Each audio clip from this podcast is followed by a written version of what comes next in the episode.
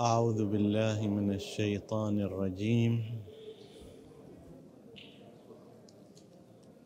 بسم الله الرحمن الرحيم والصلاة والسلام على أشرف الأنبياء والمرسلين محمد وعلى أهل بيته الطيبين الطاهرين.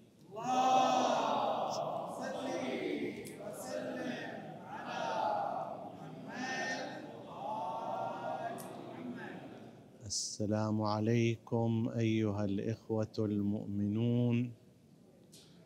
أيتها الأخوات المؤمنات ورحمة الله وبركاته.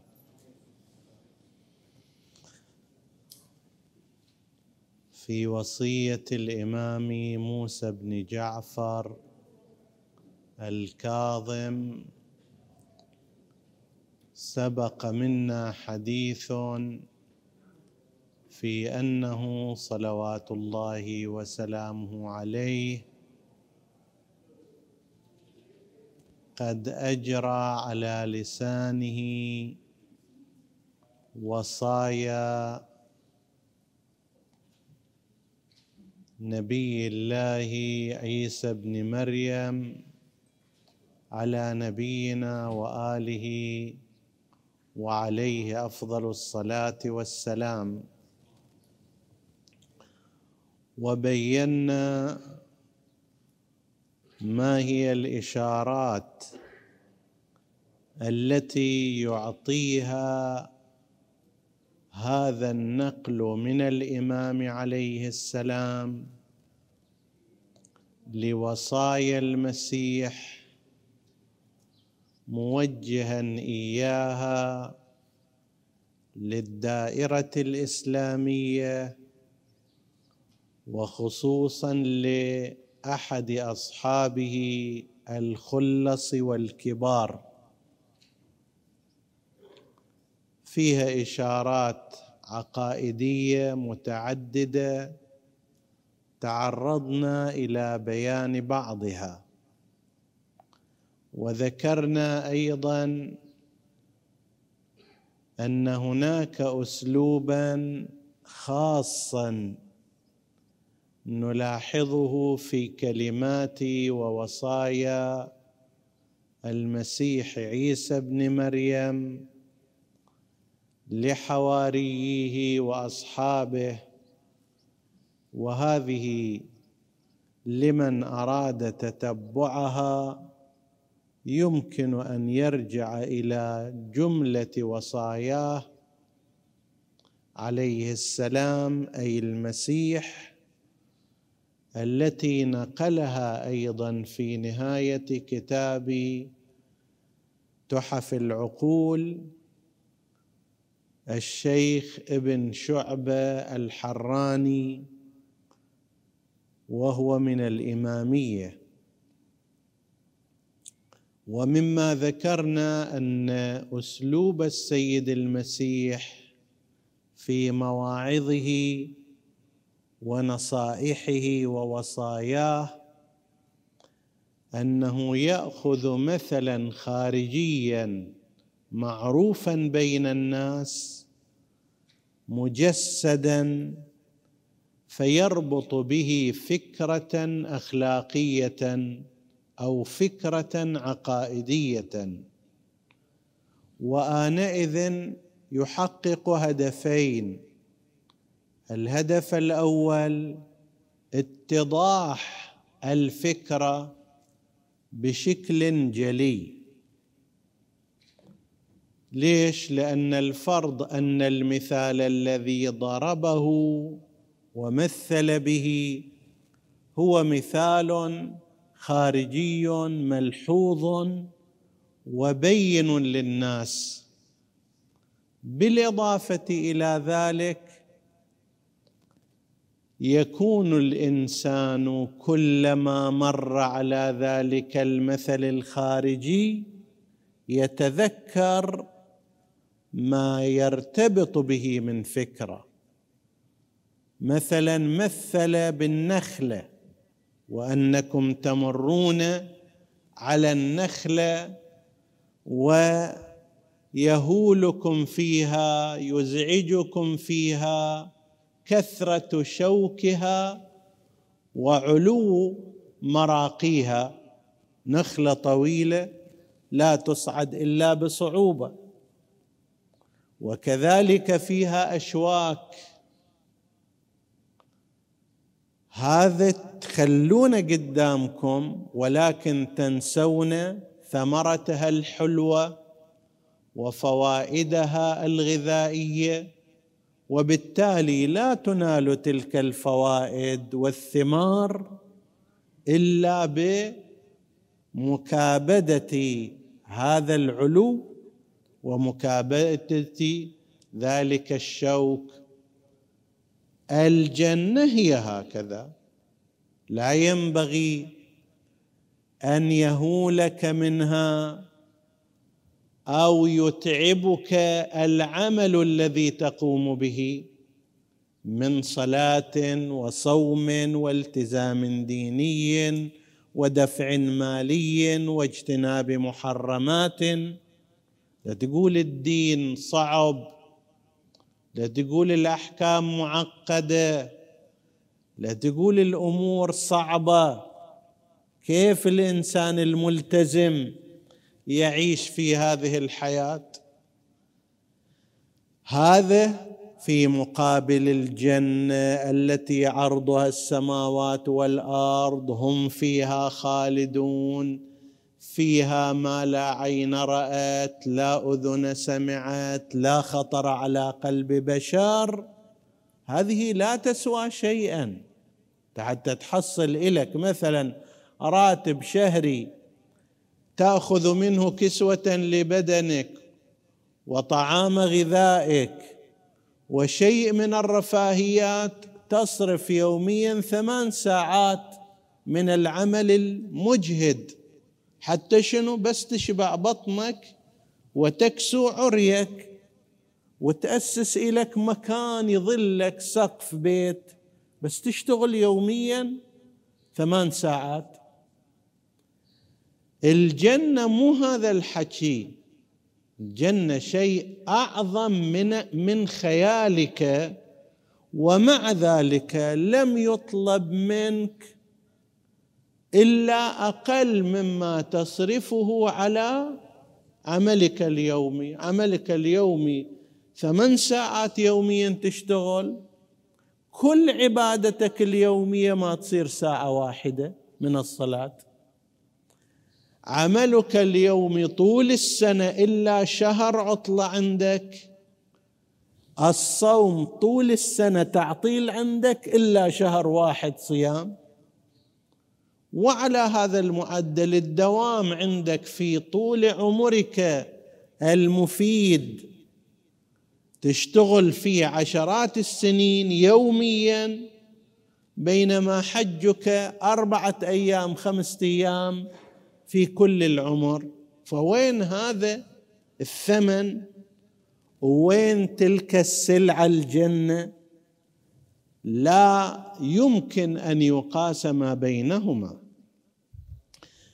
فيمثل السيد المسيح للإنسان يقول له أنت لا يكون هذا الشوك مال النخلة اللي تقدر تتقيه أيضا. لا يكون هذا الرقي والعلو اللي تقدر بال هذا الكر المعروف حتى في أيام اللي ما كانت هناك رافعات ولا كان هناك ما أدري متسلقات كهربائية.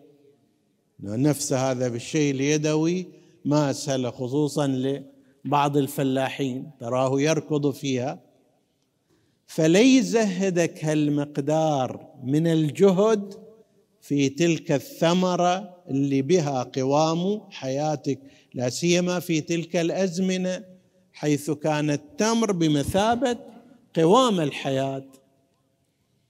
فيستمر الإمام عليه السلام في استعراض كلمات عيسى بن مريم على هذا المعدل. يقول يا بني إسرائيل أما تستحيون من الله؟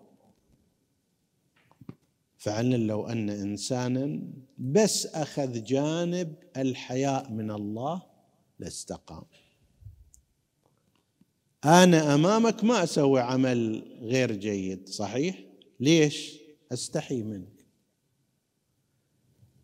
الرجل الشخصية المحترمة ما يجي عاري بين الناس. يستحي من ذلك. ما يسوي مخالفات. عامل الحياة يخليه يرتدع عن ذلك. لو نقل الإنسان هذا الأمر إلى جانب الله عز وجل أن يستحي من الله عز وجل. فعلا يؤمن أن الله ينظر إليه. إحنا نؤمن نظريا لا أقل أنا المتكلم أنتم الحمد لله. تؤمنون عمليا. لكن مثلي وأمثالي نؤمن نظريا نتكلم أشياء كثير. إن الله بصير بالعباد لا تدركه الأبصار وهو يدرك الأبصار. طيب. لكن إذا فعلا آمن الإنسان بأن الله ألم يعلم بأن الله يرى ما أبلغها موعظة. حقيقة موعظة مخيفة. ما تتصور أن الله يراك؟ ألا أتصور أن الله يراني في خلوتي وعلانيتي في مستسر السر وفي ظاهر العلانية؟ بذات الصدور. الله عليم بذات الصدور. زين. ومع ذلك الإنسان يسوي مخالفات إلهية. لذلك في بعض الأدعية اللهم لا تجعلني أراك أهون الناظرين إلي. يعني يمكن طفل قدامي ما أتعرى. طفل. قد قيمة؟ طفل بس ما أتعرى قدامه. ما أسوي شيء مو مناسب. الله سبحانه وتعالى أقل في نظرك وفي نظري من طفل ينظر الي أما تستحيون من الله؟ إن أحدكم لا يسوغ له شرابه حتى يصفيه من القذى. كأس الماء لو يتقدمه إليك شوية شعره فيه شعره واحدة إما ترده وإما تنظفه تشيل هذه الشعرة ما تشربه وهو كذلك. شوكة قذى بسيط. إما يرد ويستبدله ويستبدله وإما أنه إما يرده وإما يستبدله. زين. يقول إن أحدكم لا يسوغ له شرابه ما يشربه وهو كلش مرتاح. حتى يصفيه من القذى ولا يبالي أن يبلع أمثال الفيلة من الحرام. قذى شوكه شعره حبه تراب ما أبلعها ما أقدر أبلعها. لكن وراء هذا ميراث إخوتي أبلعه. ببساطة. شلون هذا البلعوم اللي ما يدخل فيه القذى يدخل فيه آلاف الريالات يدخل فيه حق أخي وحق أختي يدخل فيه حق جاري يدخل فيه حق رب العمل مالي يدخل في حق الموظف مالي. آخذ منه أكثر مما أعطيه. آخر عنه راتبه بالشهرين وثلاثة. طيب وأمثال ذلك. أمثال الفيلة من الحرام أبلعها. لكن حبة تراب في الإناء هذا ما تدخل في حلقي. شنو هذا الحلق؟ الآن بعض السياسيين في بعض بلاد المسلمين تجي تقول له مثلا أنت تبوق عشرة ريال تبوق مئة ريال. لا أعوذ بالله.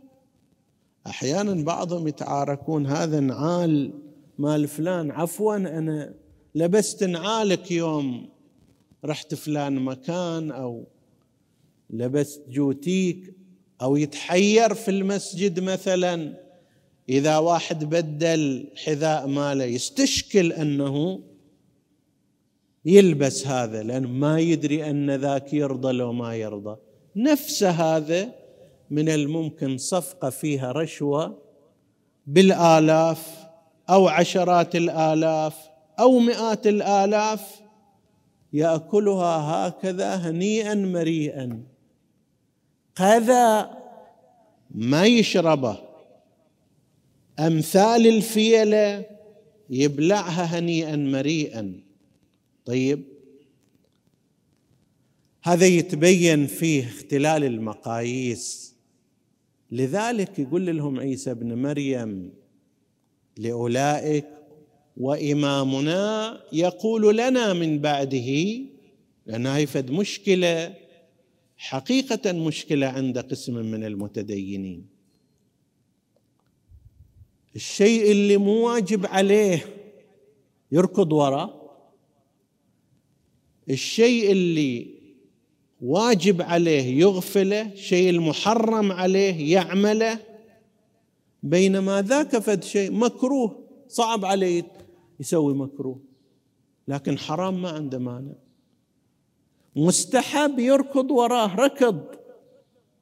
لكن حق واجب في ذمته من دين من عين لله عز وجل لأخيه للدين. هذا بالنسبة اليه لا ماكو شيء. أهلا وسهلا. الله غفور رحيم. ألم تسمعوا أنه قيل لكم في التوراة؟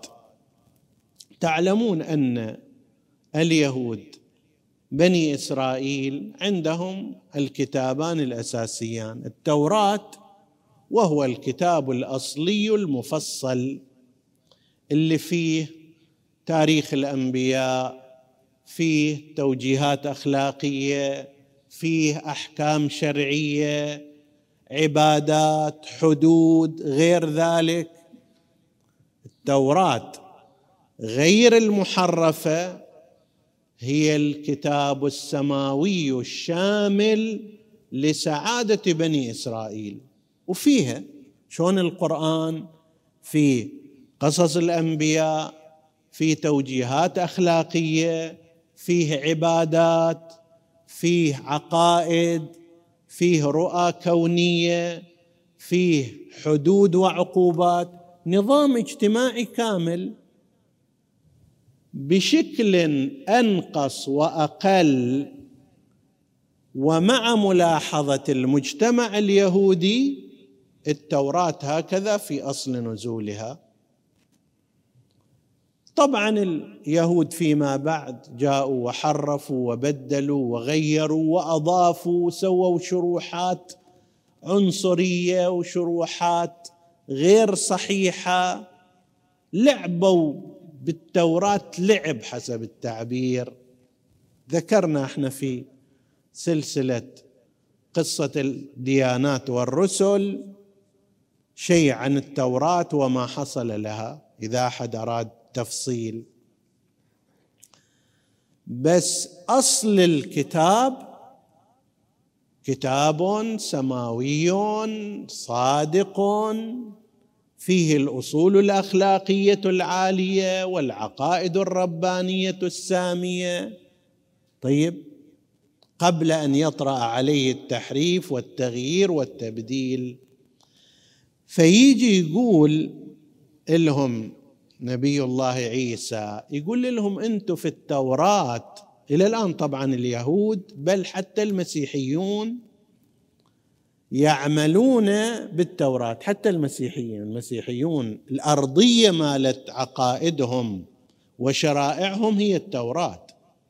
نعم الإنجيل أيضا ويسمون هذا بالعهد القديم التوراة وهذا بالعهد الجديد. يقول في التوراة صلوا أرحامكم وكافئوا أرحامكم. هذا من التوجيهات الأخلاقية.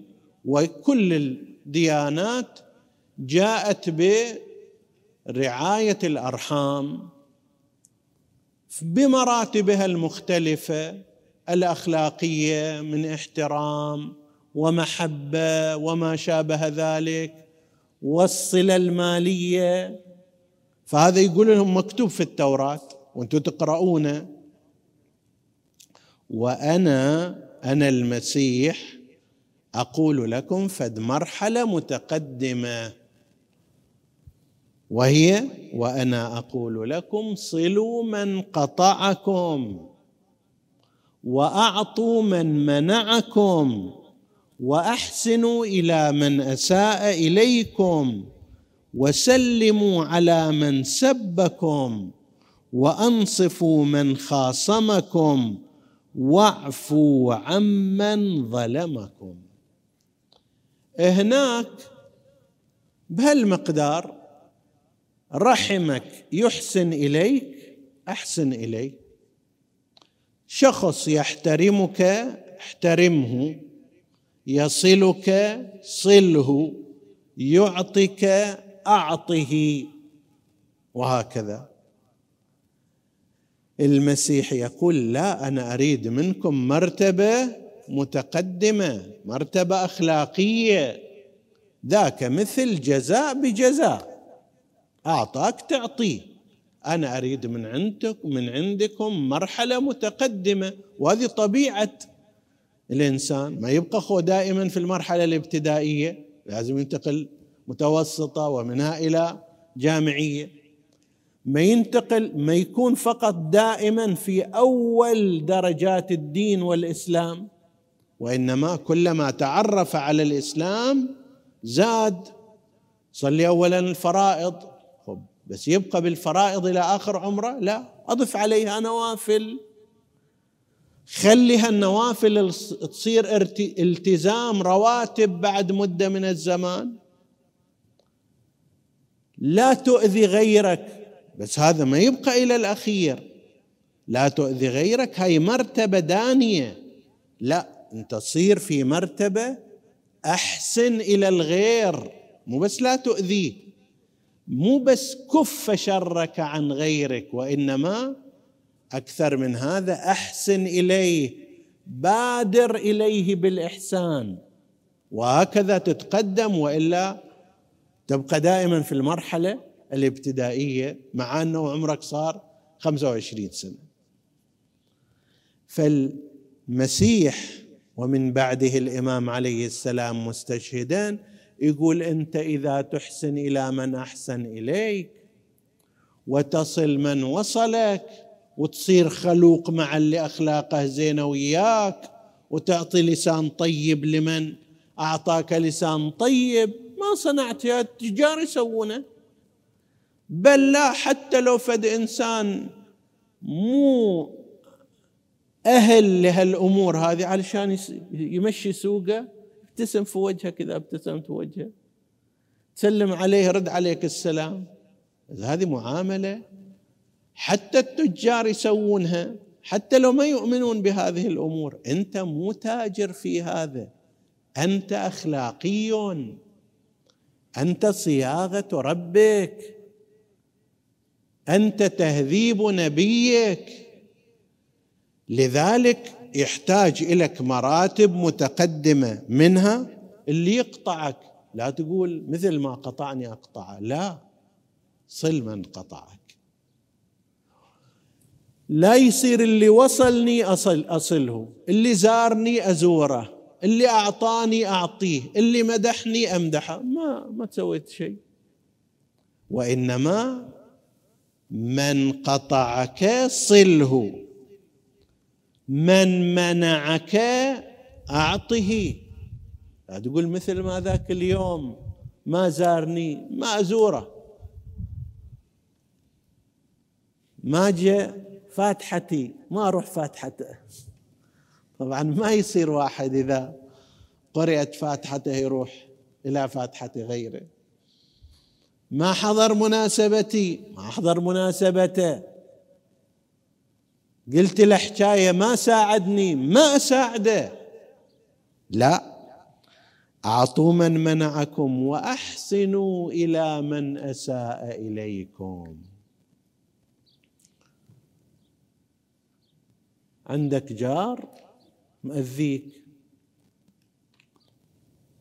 حاشاك زبالة بدل ما يخليها في محلها يخليها على باب بيتك. سيارته بدل ما يوقفها في موقف عنده لا يجي يوقفها على باب بيتك. طيب. وعلى هذا المعدل يسيء إليك. موظف عندك تقول له روح يمين يروح شمال سوي هذا الصبح يسويه العصر. ابدأ بفلان شيء يبدأ بفلتان شيء.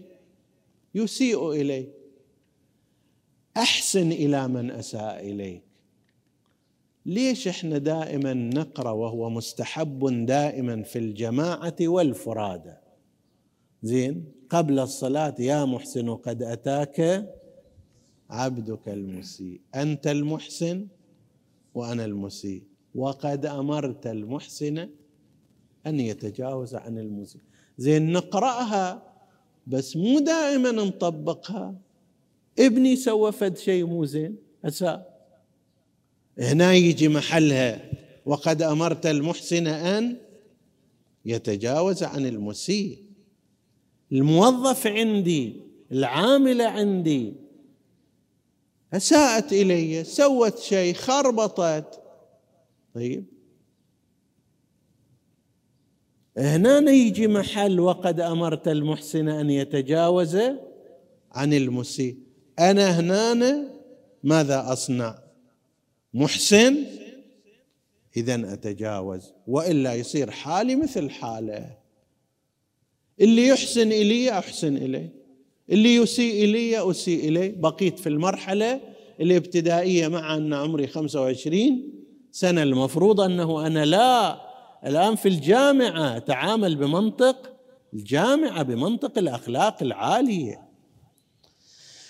واعفوا وسلموا على من سبكم. لا ترد عليه إساءته.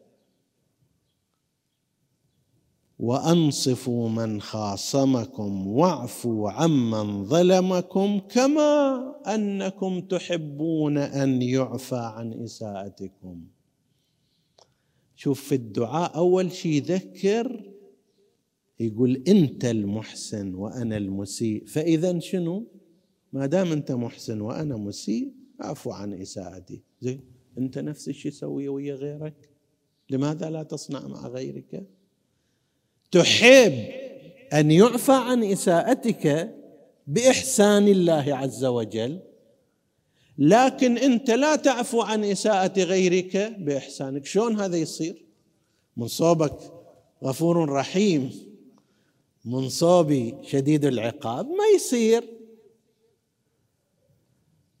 فأول راض سنة من يسير. يوم القيامة هم هو هذا الحساب ترى ها؟ تجي تقول يا رب صحيح أنا أسأت قصرت أذنب بس أنت الغفور الرحيم أنت المحسن المتجاوز عن السيئات. قد يقال لك ليش ما قلت هذا ويا العامل مالك؟ ليش ما قلت هذا ويا العامله مالتك؟ ليش ما قلت هذا ويا ابنك؟ ليش ما قلت هذا ويا زوجتك؟ ليش ما قلت هذا ويا زوجك؟ لماذا لم تقل هذا مع فلان وفلان؟ موظفك طالبك جارك. بس تريد صوبك ما يصير. نفس الطريقة اللي تعاملت بها في هذه الدنيا هناك أنت أنت تختار طريقة الحساب في هذه الدنيا. اللهم اعف عنا. فاعتبروا يقول فاعتبروا بعفو الله عنكم. ألا ترون أن شمسه أشرقت على الأبرار والفجار منكم؟ لو الله سبحانه وتعالى يريد بس يعفو عن الصالحين ويكرم الأتقياء كان هاي الشمس تشوفها تشرق على هذا وعليه ظله مثلا. المطر صوب بيت هذا نعم ولكن صوب بيتي شنو؟ ماكو. لكن الله سبحانه وتعالى يشرق شمسه وينزل غيثه حتى على جاحديه. ليقول الله ماكو. بل الذي يبارز الله عز وجل وينشر الإلحاد الله يشرق عليه شمسه وينزل عليه غيثه ويعطيه هذا الشجر وهذا الجمال وهذا الضياء. أنا إذا لا بس اللي يطاوعني أكرمه بس اللي يحبني أحبه بس اللي يعطيني أعطيه. لم أتخلق بأخلاق الله عز وجل. فإن كنتم لا تحبون إلا من أحبكم ولا تحسنون إلا من أحسن إليكم ولا تكافئون إلا من أعطاكم فما فضلكم اذا على غيركم؟ وقد يصنع هذا السفهاء الذين ليست عندهم فضول ولا لهم أحلام. كفار يسوون هذا. واحد أنت تبتسم في وجهه يبتسم في وجهك. تعطيه يعطيك. تتكلم اياه كلام زين يتكلم اياه وهو كافر. ناس ما عندهم عقل ناس ما يؤمنون بهالأشياء بس حتى يجذبك كزبون. أنت غير المفروض. إذا كنت لا تكرم إلا من أكرمك ولا تعطي إلا من أعطاك ولا تحسن إلا من أحسن إليك. وهكذا فما فضلك على غيرك من الناس والفضل أن والفرض أنه أنت من تلامذتي. هذا الدين ومتعرض إلى أحكام القرآن. نسأل الله سبحانه وتعالى أن يتفضل علينا بأن نكون كما قال إذا أردتم أن تكونوا أحباء الله وأصفياء الله فأحسنوا إلى من أساء إليكم واعفوا عمن ظلمكم وسلموا على من أعرض عنكم. اسمعوا قولي واحفظوا وصيتي أي وصية الإمام ووصية المسيح وارعوا عهدي كيما تكونوا علماء فقهاء. اللهم صل على محمد وآل محمد وارزقنا مكارم الأخلاق. وجنبنا مساوئها ومذام الأفعال إنك على كل شيء قدير وصلى الله على سيدنا محمد وآله الطاهرين.